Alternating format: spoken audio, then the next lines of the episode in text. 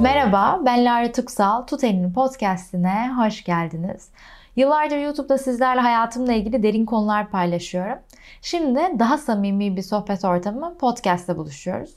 Beraber aşk acısı çekmeye, arkadaşlara sinir olmaya, aile isyan etmeye ve bunların hepsinden farkındalıklar edinip kendinize yeni bir sis kurmayı istekliyseniz çayınızı, kahvenizi ya da belki şarabınızı kapın gelin sohbet edelim. Yeni bir podcast bölümüne hoş geldiniz. Bu bölümü çekmem inanılmaz spontane gelişti. Aslında şu anda bir cumartesi akşamı balkonda salıncakta oturuyorum. Elimde kitabım vardı, çayım vardı. Ve Instagram'a bir tane post attım. Altına da uzun bir yazı yazdım. Bu aslında 3 serilik bir yazı. İçindeki kadını yıkmak, ona izin vermek ve onunla tekrar buluşmakla ilgili sizlerden de çok güzel geri dönüşler aldım. Ve bir anda böyle o yazdığım yazıyla ilgili daha fazla konuşma isteği içimde belirdi. Daha böyle açıklama isteği içimde belirdi. Aşağıya da o postun linkini bırakırım. İsterseniz önceden okuyabilirsiniz. Ya da bunu e, dinlediğinizde zaten birazcık orada yazanları açıklayacağım. Aslında bu ilk yazdığımda içimizdeki kadının e, bu yıkılma süreciyle başladım. E, hepimizin daha böyle gençlik dönemlerinde, çocukluk diyeyim ona, e, bir kırıldığı bir dönem oluyor. O hani saflığımızla, o hiç e, ilişkilerle ilgili ya da insanlarla ilgili hatta kendimizle ilgili bilgiye sahip olmadığımız saf dönemimizde bir şekilde yaşadığımız ilişkilerde yara alabiliyoruz. Ee, genelde o yaşlarda o kadar hani masum oluyoruz, o kadar saf oluyoruz ki sanki böyle karşı tarafın asaletsiz bir çift eli arasında kalbimiz buruşturulup atılıyormuş gibi oluyor. Ee, kalbimiz kırılıyor ve içimizde bir taraf yara alıyor. Yani içimizdeki o küçük kız çocuğu bir şekilde yara alıyor ve biz genelde ortak hepimizin yaptığı çıkarımları yapıyoruz. E, bir daha sevmeyeceğim diyoruz. İşte eskisi gibi olmayacağım. Ben artık değişeceğim. Bundan sonra böyle olmayacağım diyoruz. Ve kabuğumuza çekiliyoruz. Kabuğumuza çekildiğimiz zaman da aslında kendimizi öğrenmeye kapıyoruz. Çünkü kendimizi deneyimlere kapıyoruz. Ve deneyimler de bizim hayatı öğrendiğimiz en güzel sağ ama kendimizi artık deneyimlerden yoksun bırakmaya karar verdiğimiz için tabii o zamanlar bunu kendimizi deneyimlerden yoksun bırakmak demiyoruz da kendimizi korumak diyoruz. Böyle olduğu zaman öğrenemiyoruz da kendimizi gelişmeye e, açamıyoruz ve bir süre boyunca böyle gittiğimizde o büyüme zamanımızda hani kızlıktan kadına dönüşme zamanımızda aslında e, tehlikeyi sezecek, problemleri öngörecek bir e, içimizde donanım elde edemiyoruz. Ve böyle olduğu zaman da o çocukluğumuzun saf hali aslında yetişkinliğimizin lanetine dönüşüyor. E, ve yanlış çıkarttığımız dersler, e, yaşadığımız ilişkilerden yanlış çıkarttığımız dersler e, küçük bir kız çocuğunu büyümüş bir kadın bedenine hapsediyor. Çoğu zaman hepimiz zaten hani diyoruz ki ben bir daha güvenmeyeceğim. Güveni çok farklı yorumluyoruz. Aslında ilişkilerde güvenmek karşı tarafın senin canını yakmayacağını güvenmek değil de canın yandığı zaman iki tarafın da iletişim kurabileceğini, pişmanlık gösterebileceğini, bunları telafi edebileceğini, e, telafi etmek için uğraşacağına ve çalışacağına e, ve iki kişinin ortak çıkarlarını kendi egoları üzerinde tutacaklarına güvenmek. Ve güvenmek de aslında risk almayı gerektiriyor. Risk almadan birine güvenebileceğimizi göremiyoruz. Öğrenemiyoruz daha doğrusu. Ve e, güvenmemeye karar verdiğimizde de aslında hani o yaşadığımız kötü diye adlandırdığımız deneyim sonucunda sevilmeyeceğimize karar veriyoruz. İhanete uğrayacağımızdan korkuyoruz. Bir ilişkinin içinde aşağılanabileceğimizi düşünüyoruz. Ve e, aslında korku dolu büyümüş kadınlar oluyoruz. Bunu da genelde çok güçlü görünerek örtüyoruz. E, ve aslında hayatımızdaki bütün ilişkilere, bütün yenilere yani olabilecek bir sürü potansiyele eskinin gözlerinden bakarak yaklaşıyoruz. Ee, ne olursa olsun hani hayatımıza bir noktada e, yeni birileri girmeye başlıyor. Ama biz onları sadece hani o eski korkan kırılmış kız çocuğunun gözlerinden görebiliyoruz. Ve e, tabii eskinin gözleri de sadece eski deneyimi tanıyacağı için e, biz aslında eski de, deneyimlerimizi bize tekrar yaşatacak e, ilişkilere yaklaşıyoruz. E, ve eski yerlerden yaralanmak istemezken, tekrar aynısı olsun istemezken bir şekilde kendimize aynı deneyimi yaşatıyoruz. Çünkü bizim için tek tanıdık ve tek bilinen eskiden yaşadığımız deneyim. Yani öyle bir şey ki yeni şeyler istiyoruz hayatımızda. Bambaşka bir deneyim istiyoruz. Ama güvenli alan o kadar güzel ki hiç fark etmeden eski deneyimin aynısını hayatımıza çekiyoruz. Çünkü e, yeni yaşamak daha korkutucu geliyor. Eskide kırılmak daha güvenli geliyor. Yeni yaşamak e, daha korkutucu geliyor ve bunu aslında hiç fark etmiyoruz. Ve aslında hayatımızı bu şekilde sabote ediyoruz. E, yaşadığımız yeni ilişkide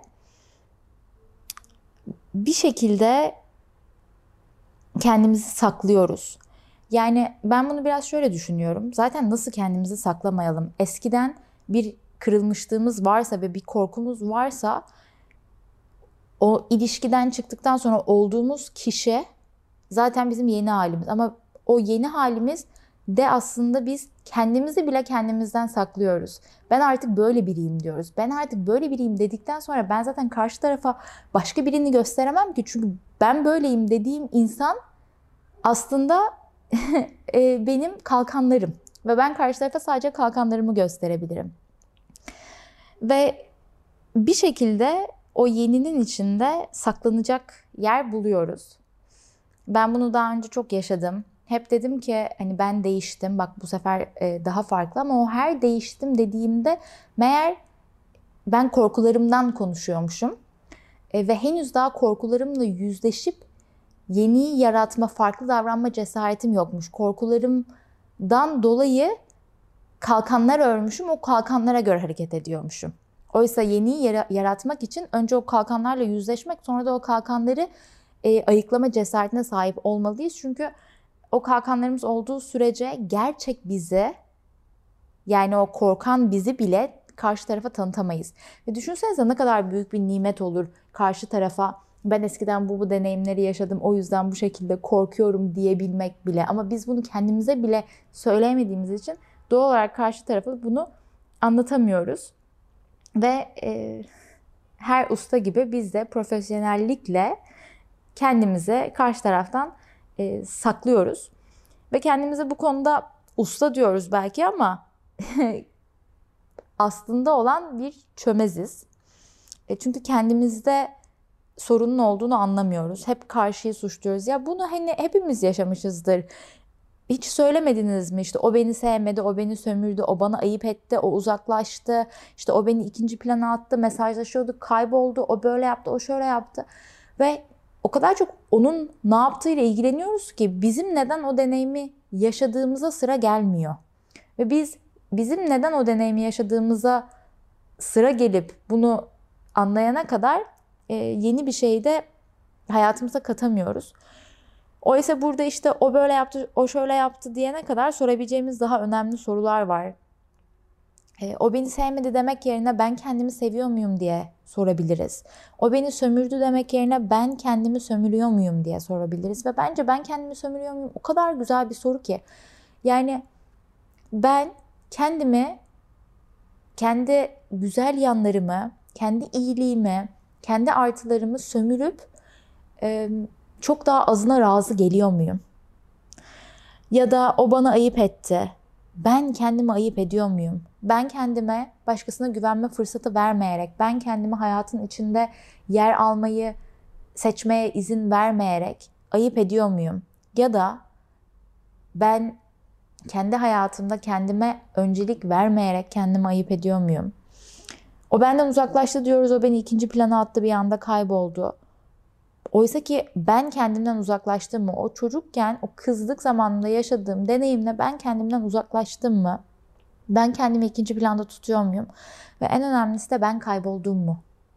Benim hayatımda öyle bir dönem oldu ki yani ben o kadar kaybolmuşum ki ki kaybolmak da güzeldir çünkü kendini bulabilmek için önce kaybolman lazım. O kadar kaybolmuşum ki yani o kaybolduğum yerden istediğim şey bile benim istediğim şey değilmiş. Bu sadece aslında ilişkiler alanında da değil. Bu benim için hayatın diğer alanlarında böyle oldu. Yani o işi istiyor muymuşum gerçekten? E, o hayat tarzını seçiyor muyum gerçekten diye kendime sorduğumda e, hepsinin benim e, yüzleşmek istemediğim korkularım yüzünden kendime yarattığım bir cover olduğunu fark ettim. Ve biz aslında hani bir süre sonra kadın bedenlerine geçiyoruz ama içimizde bir kız çocuğu oluyor ve biz e, kadın bedenine hapsolmuş bir kız çocuğu oluyoruz. Ve e, diyoruz ki işte hani o yaptı, işte o bu şekilde davrandı diye suçluyoruz ya. Biz masum, hatasız görünüyoruz ve masum olmayı çok böyle güzel bir özellik gibi düşünüyoruz. Sanki hani masum olmak e, çok büyük bir artı gibi geliyor. Ve hani şu çok kolay bir şeydir. Ben masumum o suçlu. Aşırı kolay bir şeydir. Çünkü senin değiştirmen gereken hiçbir şey yok. Her şey, bütün sorumluluk karşı tarafın. Senin hiçbir sorumluluğun yok. Oysa hani o masum olmak bile e, çok tehlikeli bir şey. Çünkü en masum insan bile kendi potansiyelinin katili. Hatta en masum insan katil olma potansiyeli de en yüksek olan. E, çünkü masum olduğumuz zaman biz masumiyetin e, kendi sesimizi çıkartmamak, kenarda beklemek, hayata karışmamak, aman beni sevsinler, aman değer versinler diye uslu, edepli, adaplı oturmak olduğunu düşünüyoruz. Ve böyle olduğu zaman da hep bekleyen, ezilen, e, yaratıp üretemeyen, hayattan doya doya keyif alamayan taraf oluyoruz. E, ve böyle olduğu zaman da içimizdeki bu kız kadın insanların canını yakmamak, onlara zarar vermemekle kendini ön plana koymayı birbirine karıştırmaya başlıyor. Biz zannediyoruz ki kendimizi ön plana koyduğumuzda başkalarının canını acıtacağız. Hatta bunun günah olduğunu düşündüğümüz bile oluyor. Yani benim böyle bir zamanım olmuştu. Ben insanların kalbini kıracağıma tabii ki de hani bu hareketi yapmam diye düşünüyordum. E, çünkü hani kalp kırmak bana göre en büyük günahtı. E, halbuki bunu şöyle düşünmeye başladım. Tabii ki de hani kalp kırmak bunu savunmuyorum ve kalp kırmak iyi bir şey değil ama e, önce kal- kendi kalbimi kırmamam lazım. Yani benim elimin üzerinde tutmam gereken ilk kalp kendi kalbim. E, ve kendi kalbimi ne zaman ki ön plana koymaya başlayabildim o zaman insanlar da benim kalbimi ön plana koymaya başladı. Ve daha demin hani diyordum ya başkasının kalbini kırmayı günah olarak düşündüğümüz bile oluyor. Hayır herkesin e, kendi sorumluluğu. Benim de kalbim başkaları tarafından çok kırıldı ama bu onların günahkar olduğu anlamına gelmiyor. E, herkes kendi yolculuğunda, herkes bir şeylerle yüzleşiyor e, ve hayatın içinde bazı noktalarda evet başkalarının kalplerini kırmak zorundayız. Çünkü hayat sadece iyilikten ibaret değil.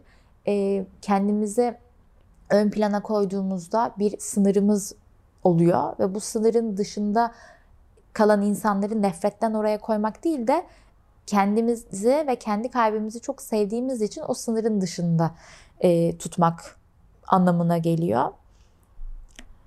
E, ve böyle olduğu zaman da masum olma uğruna yapılan aslında her hareketimiz e, bize kendi hayatımızda e, arabanın arka koltuğunda emniyet kemeri bağlı uslu uslu oturan bir insan yapıyor. E, ve geriye kalan herkes de sürücü koltuğunda oturuyor ve bizim arabamızı oraya buraya savduruyor. Ve burada mesela gene sürücü o e, ve onu suçlayabilirim ben. Benim arabamı savuruyor. Ama neden ben hayatımın sürücü koltuğuna en başından onu oturttum? Ve burada neden biliyor musunuz? Çünkü ben e, hayatımın sürücü koltuğunda oturacak cesarete sahip değilim. Eğer ben hayatımın sürücü koltuğunda oturursam o zaman e, bütün sorumlulukları almam lazım. Kendi hatamın sorumluluğunu da almam lazım. Ve ben burada şöyle düşünmeye başladım. Altın hatalar diye bir şey var. Yani e, altın hatalarımız olacak ki biz arabanın sürücü koltuğunda oturabileceğiz ve özellikle ilk sürücü olmaya başladığımızda ilk ehliyetimizi aldığımız zaman e, birkaç kaza yapmamız gerekiyor. Arabayı en güzel şekilde kullanmıyoruz. Sağını sürtüyoruz. Ben köprünün üzerinde kaza yapıp ağlamaya başlamıştım. Hatta e, kaza yapıp ağlamaya başlamamıştım. 18 yaşındayım, ehliyetimi aldım, araba kullanıyorum, köprünün üzerindeyim, deliler gibi ağlıyorum, kalbim kırılmış o zamanlar. O kadar ağlıyordum ki gözlerimin önündeki yaştan e, öndeki arabanın durduğunu görememişim ve öndeki arabaya vurdum. Ondan sonra tabii korktuğum için daha da ağlamaya başladım. e, bu da tam aslında bütün bu anlattıklarım oldu. Çünkü e, ben o zamanlar hayatın işte arabanın sürücü koltuğundaydım ve ağlıyordum. Sonra o kadar hani o ağlamaktan korktum ki kendim artık sürücü olmamaya çünkü sürücü olduğumda baktım ki kaza yapıyorum. O zaman arka koltukta oturmaya karar verdim. Sonra bayağı uzun bir süre arabanın arka koltuğunda oturan oldum. Hatta valla size bir şey diyeyim mi? 18 yaşından 28 yaşına kadar ben arabanın arka koltuğunda oturan oldum. Ee, yani 28 demeyeyim de işte hani son bir buçuk senedir hayatım iplerini elime aldığıma göre hani 26 yaşına kadar falan. Ee, ve öyle bir şey ki işte o içimizdeki kız çocuğu ancak büyümeye, kadın olmaya karar verirse e, arabayı sürmeye de karar veriyor. Ve öyle bir şey ki hani eskiden kalbimiz kırıldığı zaman bir hani kimseye güvenme, kendine yet. Hani bunlar zaten e, kadınlara sürekli söylenen sözler. Bizim de bu sözler kulağımızda çınlamaya başlıyor. Ve inanılmaz adaletsiz bir savaşın içine giriyoruz. Güçlü görünmek için adeta kıvranıyoruz. E, ve gerçek gücün kadınlık olduğunu unutuyoruz. E, sahte görkemler ardına sığınıyoruz. Duvarlarımızı çekiyoruz, kalkanlarımızı yükseltiyoruz ve gerçekten kadınlığımızın gizli hayatı başlıyor. Şimdi artık güçsüz olmak diye bir şey yok. E, güçsüzlük bizim için korkulması gereken bir kehanete dönüşüyor. E, ve kadın eğer güçsüz görünürse yenileceğini düşünüyoruz. Ve oysa gerçekte hani kaybetmenin tek yolunun güçlü görünmeye çalışmak olduğunu unutuyoruz. Güçlü görünmeye çalıştığımız her gün kaybettiğimizi de unutuyoruz. Ee, güçlü görünmeye çalışmak kadını kendi güçsüz yönlerine bile kör ediyor. Ve kör bir kadın kendini gerçekten sevemez. Ee, kendini sevmeyen başkasına da kendini nasıl seveceğini gösteremez hale geliyor. Ve bununla beraber de biz sahte kimlikler ardına sığınmaya başlıyoruz. Gözyaşlarımızı saklıyoruz. Ee, gerçekten sevilmek uğruna e, bütün bu yaralarımızı göstermemeye başlıyoruz. Gerçekten sevilmenin tek yolunun yaralarımızı göstermek olduğunu unutuyoruz. YouTube kanalımdan beni takip ediyorsanız biliyorsunuzdur. Bir de YouTube videolarımda anlattığım şeyleri de burada tekrar etmemeye çalışmak istiyorum. Hani onları dinleyenler burada tekrara düşmesinler diye ama bir yandan da burası da yeni bir platform. O yüzden bazen hani ortak şeyleri paylaşacağım. İlk e, şu anki erkek arkadaşımla biz birlikte olmaya başladığımızda adı Baran. Şöyle bir şey olmuştu. E, benim çok karnım ağrıyordu. Regli olmuştum. Ve onun evindeydik. Ve ben hemen demiştim ki ben kendi evime gideceğim. Ben kendi evime gideceğim işte hadi ben gidiyorum falan. Ve o zamana kadar da ben şunu fark ettim. Ben her bir yerim ağrıdığında ya da e, bir şekilde fiziksel olarak ağrı çektiğimde hemen yok olup gidiyordum. Hatta bir zaman bir çocukla konuşuyordum. E, ve onunla beraber otururken böyle e, bir anda benim midem bulanmıştı ve kusacak gibi olmuştum ve aniden böyle yok olup gitmiştim. Demiş ay ben çok kötü oldum falan deyip gitmiştim. Sonradan mesela düşündüm ki çok kötü olabilirim ve hani başka birinin yanında kötü olabilirim. Başka birinin yanında kusabilirim. Ve orada ne biliyor musunuz aslında? Kusmak bile hani içimdeki kendime göre kötü olan taraflarımı göstermemek. Ve ben çok sonra fark ettim ki durup dururken niye kustum mesela? Orada bile e, yakınlıktan korkan bir tarafım var. Yani kendimi göstermekten, kendi kötü taraflarımı, orada kusmuk gibi düşünün, kendi pis sandığım taraflarımı göstermekten korkan bir tarafım var ve beni e, birisiyle yakınlaşmaya başladığım an bedenim hasta ediyordu resmen. E neyse daha demin anlatacağım şeye döneyim. E, o zaman işte karnım ağrıyor Baran'la evde oturuyoruz. Ve o gün artık dedim ki ben eve gitmeyeceğim. Ne kadar karnım ağrısa ağrısın ben burada duracağım dedim. Ve hani aslında bir şeyleri değiştirmeye karar vermek bu. Bir şekilde cesaretle normalde yapmayacağım bir şeyi yapmak. Ve gerçekten ben o gün hatırlıyorum yani ölüyorum karın ağrısından ve dedim ki hani tamam karar verdim ben bir şeyleri değiştirmeye ama gene de hani saklanmak istiyorum hala. Ben birazcık banyoya gidip e, işte ayaklarıma falan e, şey tutacağım. Saç kurutma makinesi tutacağım dedim. Hani ayaklarımı ısıtacağım. Ondan sonra gittim tuvalete. Oturdum yere ayaklarımı ısıtıyorum. Gene saklandım yani kapı falan kapalı. Sonra Baran geldi yanıma. Yere oturdu. Dedi ki aldı kurutma makinesini eline. Lara ver ben tutayım dedi. Ben de dedim ki ya yok hani ben tutuyorum tamam hani iyiyim şimdi gelirim. O dedi ki yok Lara hani ver ben tutayım. Neyse sonra e, kurutma makinesini Baran tuttu ve ben hayatımda yaşadığım en güzel anlardan bir tanesini yaşadım. O kadar güvende, o kadar böyle farklı hissettim ki bir yandan fiziksel olarak bedenim inanılmaz acı çekiyor. Bir yandan duygusal olarak inanılmaz rahat hissediyorum. Ve Baran'a dedim ki Baran hani ben ilk defa böyle bir an yaşıyorum. Ve o da bana dedi ki Lara belki de ilk defa böyle bir an yaşıyorsun. Çünkü daha önce hiçbir zaman kendini ve acını gösterme cesaretinde bulunmadın. Ve ben o anda böyle şak diye kaldım. Hani ne? O kadar doğru bir şey söyledi ki ben daha önce acımı göstermediğim için kimse benim acıma şefkatle yaklaşamadı. Ve yaklaşamazdı. Çünkü benim göstermediğim bir şeye kim nasıl yaklaşabilir? Benim göstermediğim bir şeyi kim nasıl görebilir? Bunu birazcık daha hani daha duygusal durumlarıma yorumladığımda aslında hani yara almayı böyle çok üzücü bir şey olarak yorumluyoruz ama yara almak çok kıymetli bir şey. Ve hayatın içinde yara almak da var. Yara almak bir son değil, yara almak aslında yeniyi yaratan bir doğum. E, ve bunu anladığımız zaman o sıkıştığımız kimliklerden çıkıp hayata e, başka bir yerden bakmaya başlayabiliyoruz. Ve öyle bir şey ki yani o ilk başlarda bir kötü deneyim yaşadığımızda kendimizi biz müebbet hapsine sokuyoruz. Ve biliyor musunuz hani bunu fark etmiyoruz bile. Kendi kendimizi hapse koyduğumuzu biz fark etmiyoruz bile. Sonra orada sıkışıp kaldığımızı düşünüyoruz.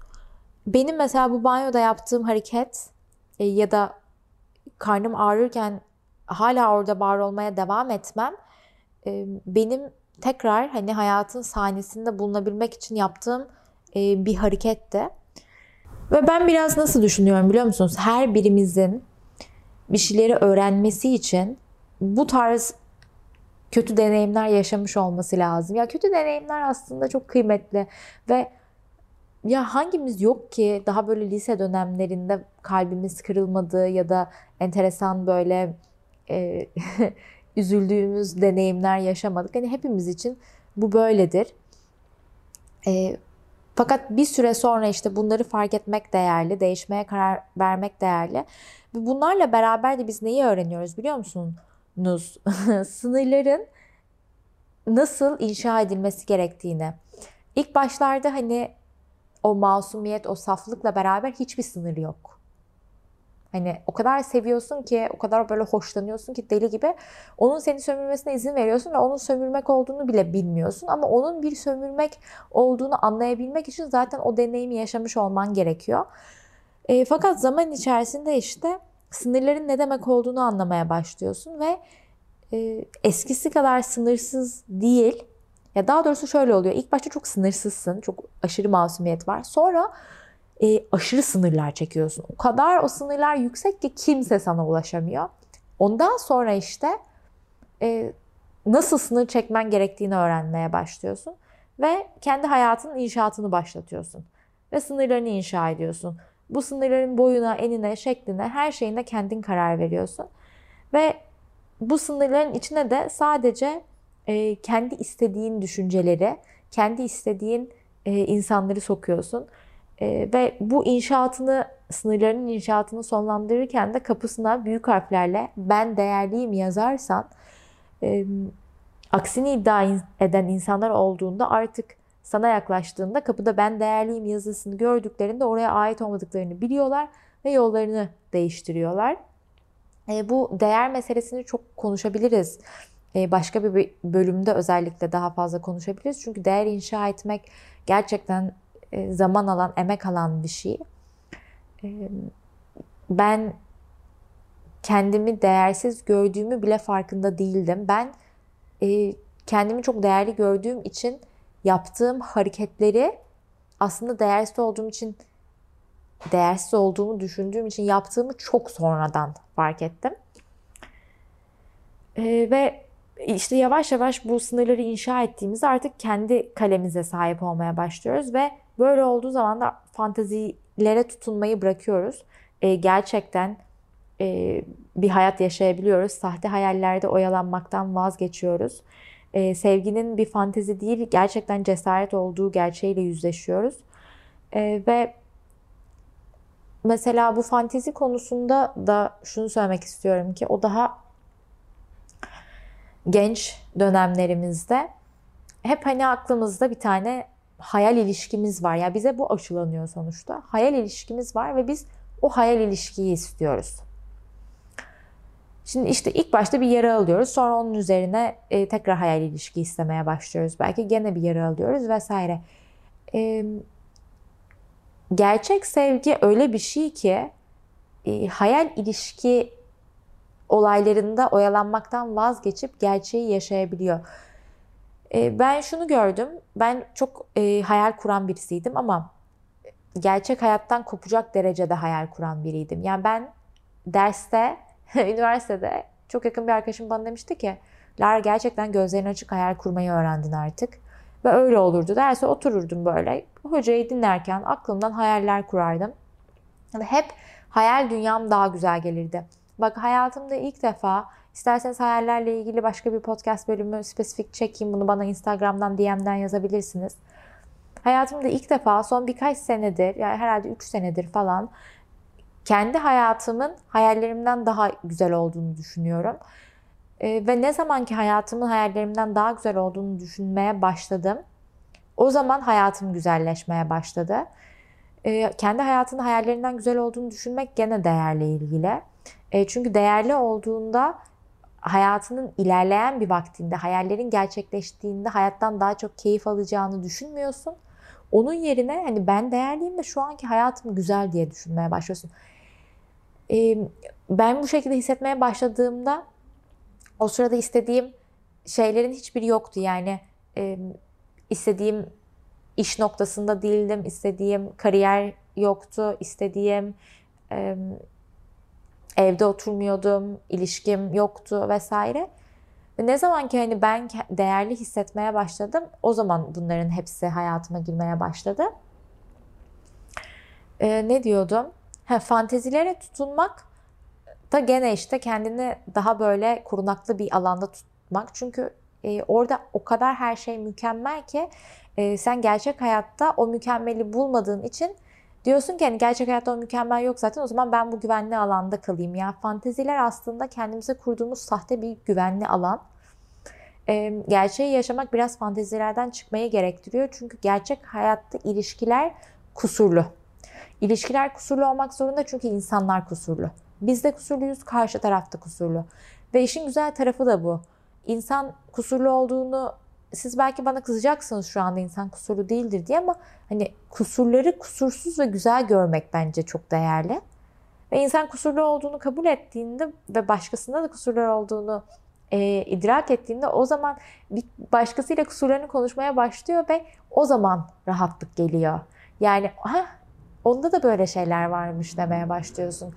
Ve e, o zaman işte hayal hayatından çıkıp mükemmelden çıkıp gerçek bir deneyim yaşayacak cesarete sahip olabiliyorsun. E, ben Baran'dan önce kafamda bir ilişki planlardım her zaman. Böyle olsun, böyle olsun, böyle olsun. Ve ona uygun birisi olacak ya da olmayacak. Ve hep böyle şey bir ilişki istiyorum. Yani ciddi bir ilişki istiyorum. Kafamda da e, yani ciddi ilişkinin kriterleri var ama önümde mesela 10 tane opsiyon var. Ben direkt hiçbirine şans vermiyorum. Çünkü benim kafamdaki ciddi bir ilişki yani 11. ilişki ve o olursa olsun. Ama ciddi bir ilişkiye giden bir yol aslında benim o diyelim ki önümdeki 10 kişiyi tanımamdan geçiyor. Yani 10 kişiyi tanıyacağım ki ben ciddi bir ilişkiye gidebileceğim ve ne zaman ki işte o ciddi ilişki olsun, e, kafamdaki kriterler illa olsun dan çıktım ve hayatımdaki o 10 kişiyi tanımaya başladım. Bu arada hani şunu söylemeye çalışmıyorum ne olur yanlış anlaşılmasın. 10 tane talibim var da onları tanı böyle bir şey değil. Hani ne bileyim yolda tanıştığım insana merhaba demek. E, işte o zamanlar tabii hayat vardı. Dışarı çıktığımda restoranda biriyle tanışmak, arkadaşımın arkadaşıyla konuşmak. Yani bundan bahsediyorum. Ee, ne zaman ki hani onlara şans verebilirim, onların ikinci adımı zaten ciddi bir ilişki. Yani kendi kendimizi sabote etmemiz de e, tıpkı bu şekilde oluyor. Ve o zamanlar ben onu fark ettim. Ben ciddi bir ilişki diye hayatıma şans vermiyorum. Kendimi saklıyorum. Ve o zamanlar işte listem vardı. O listeye o kadar kafayı takmışım ki insanları görmüyorum. İnsanları görmüyordum ve Baran olduğu zaman, Baran benim yakın arkadaşım, liseden beri arkadaşım. Ee, ve hatırlıyorum biz böyle Baran'la ve birkaç arkadaş daha dışarı çıkmıştık. Sonra o hafta ben psikoloğumla konuşurken demiştim ki e, işte benim Baran diye bir arkadaşım var. İşte onunla da vakit geçirdik. Onun şu özellikleri hoşuma gitti. E, şimdi işte hayalimdeki insanda ben bu özellikleri istiyorum demiştim. Psikoloğum da bana demişti ki Lara hani gene gerçeği yaşamaktan kaçacak mısın? Ve demişti ki neden Baran olmaz? Ben demiştim ki yok yok yok siz beni anlamadınız. Siz hani yanlış anlıyorsunuz. Ben Baran'daki özellik e, hani hayalimdeki insanda olsun o listeye eklemek istiyorum demiştim. Ne kadar bunun büyük bir kaçış olduğunu farkında mısınız? Direkt hiç şans vermemek. Hiç şans vermemek. Yani bazen işte istediğin insan yanında dibinde oluyor ama sen o kadar kafandaki şeylerle meşgulsün ki onu bile göremiyorsun. Ve daha sonrasında ben bu olay üzerinden kaç ay geçti. Ben artık bu kabuklarımı kırıyorum sürekli. Kırıyorum, kırıyorum. Ve bayağı özgürleştim.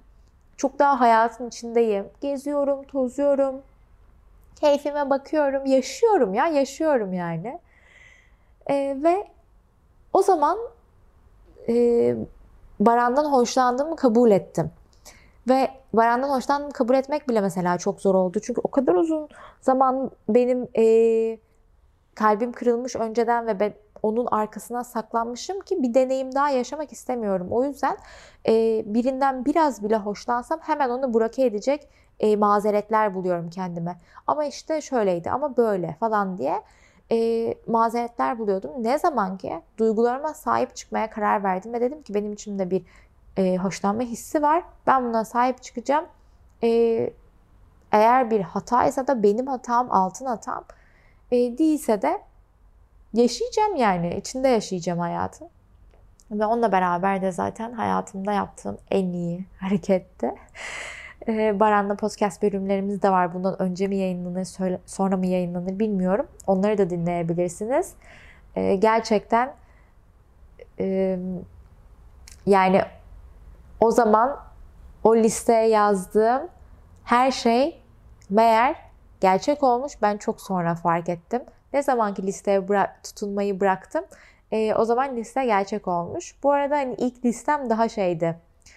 İşte daha böyle saçma özelliklerdi. YouTube'da bununla ilgili birkaç videom var aslında. Aşağıya linklerim. Ee, sonradan ben o listeyi şuna dönüştürdüm. Ben ilişkinin içinde ne hissetmek istiyorum? Yani o saçma sapan böyle olsun, şöyle olsun falan bunları bırakıp ben ne hissetmek istiyorum? Ben güvende hissetmek istiyorum. Ben anlaşılmak istiyorum. Ben beraber büyümek istiyorum. E, bunları yazdım. E, yani o da ondan kendime çevirdim. O zaman çok daha bambaşka bir hayat yaşamaya başladım. Biliyorum bu konuşma birazcık böyle karışık oldu. Çünkü planlayarak gitmedim. Ve Yani normal şu anda akşam evimde oturuyorum ve sizi yanıma hani arkadaş gibi davet ettim. Bu arada podcast'in bu özelliği de çok güzelmiş. Yani evde oturuyorum ve öyle sohbet ediyorum. Hani YouTube'da birazcık daha farklı ilerliyor. Hani o kamera çekim vesaire bu çok daha rahatmış. Bayıldım bu olaya. O yüzden daha böyle samimi olduğunu da düşünüyorum. E, kapatırken de şunu söylemek istiyorum size. Hani mükemmel güveni arıyoruz genelde. Hani o kalbimiz kırıldı ya bir sonraki deneyim illa çok güzel olacak. Hani ya mükemmel olacak istediğimiz gibi olacak ya da ben onun içinde olmayayım diyoruz. Yani yaşamak böyle bir şey değil. Yaşamak bilinmezliğe güvenmek birazcık ve biz ne zaman ki bilinmezliğe güvenmeye başlıyoruz ve e, bilinmezliğin içinde bir şekilde yere düşsek bile yerin e, üstünde dizlerimizin üzerine kapaklandığımızda gene kendi elimizi tutarak ayağa kalkabileceğimizi anlıyoruz. Bizim her daim bizim yanımızda olacağımızı anlıyoruz ve kendimize bu güveni inşa etmeye başlıyoruz. O zaman işte çok daha hayat kolaylaşmaya başlıyor. Çünkü e, ne olursa olsun, ne yaşarsam yaşayayım, ben düştüğüm yerde kendimi tutmak için yumuşak kollarımla bekliyor olacağım. Öyle olduğu zaman ne kadar düşersen düş, e, o düşmenin sertliği azalıyor. Çünkü aşağıda yumuşak kolların var. Daha fazla bu konuyla ilgili bilgi isterseniz de yine Tut Elini kitabımı alabilirsiniz. Aşağıya onun da linkini bırakıyorum. Umarım keyif almışsınızdır. Eğer keyif aldıysanız bana gene DM'den yazın. Çünkü hiç planlamadan gittim. Şu ana kadar kaç senelik sosyal medya hayatımda bu kadar plansız, e, kendi akışında bir sohbet videosu çektim. Aşırı keyif aldım. Eğer hoşunuza gittiyse bunlardan daha fazla ben yaparım. Hepinizi çok öpüyorum. Kendinize iyi bakın. Bye bye. breathless